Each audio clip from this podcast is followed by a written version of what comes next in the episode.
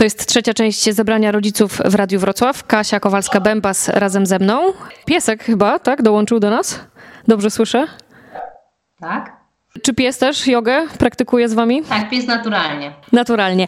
E, Wspominałaś o tym, że yoga dla dzieci różni się od jogi e, dla dorosłych. E, Jak zatem zachęcić dzieciaki do tego, żeby No ćwiczyły? chyba najlepiej y, zachęcić w taki sposób, jeśli wy lubicie ćwiczyć, to do tego wciągnąć y, dzieci i pokazać im trochę i też ćwiczyć, ćwiczyć razem z nimi. Możemy wykorzystać różne rzeczy, takie jak na przykład karty do jogi albo jakieś rysunki. Część rzeczy jest naprawdę dostępnych w internecie, można sobie kilka wydrukować, tak? Albo nawet się na początku się trochę samemu nauczyć, ale niekoniecznie. Jak wy znacie kilka asan, to możecie też poprosić dzieci, żeby razem z wami spróbowały wykonać y, te asany, albo jak one by to zrobiły. Często się okazuje, że dzieci robią to dużo lepiej niż my, ponieważ są dużo bardziej e, e, rozciągnięte i elastyczne i jeszcze nie mają ze stresu pości, pościąganych mięśni i ścięgien, więc to, to fajnie działa.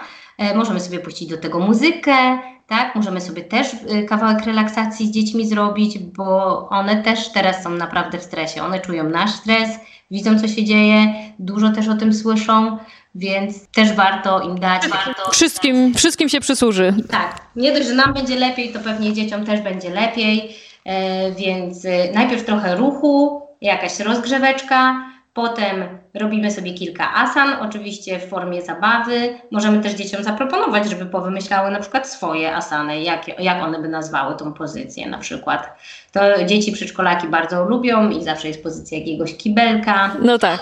E, Yoga też bardzo blisko stoi uważności. E, O mindfulness teraz też się dużo mówi, w związku z tym, że wszyscy jesteśmy poddani stresowi, którego nie znaliśmy do tej pory. Jak uważność wprowadzić w, w takim razie? To jest dobry moment teraz, czy niekoniecznie? To też trochę zależy chyba w jakiej my jesteśmy kondycji i czy my umiemy się uspokoić i, i czy my um, umiemy łapać uważność, ale tak naprawdę każdy moment jest dobry.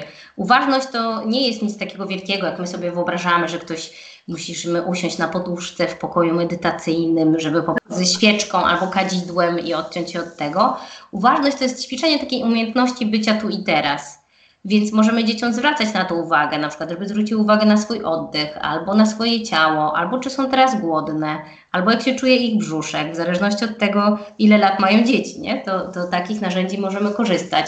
My na naszej stronie Uważność w Edukacji staramy się wrzucać codziennie jakieś propozycje teraz dla rodziców, jak mogą właśnie ćwiczyć albo uważność na dźwięk, albo na przykład ćwiczenia oddechowe, jakie można robić, żeby po prostu też dzieciom pomóc trochę i je odstresować. No to co, to bierzemy głęboki oddech, drodzy Państwo, e, zatem e, i poddajemy się relaksowi. Kasia Kowalska-Bębas była moim gościem. Bardzo dziękuję. Dziękuję bardzo i życzę wszystkim jak najwięcej spokoju. A pytała Justyna Kościelna. Do usłyszenia.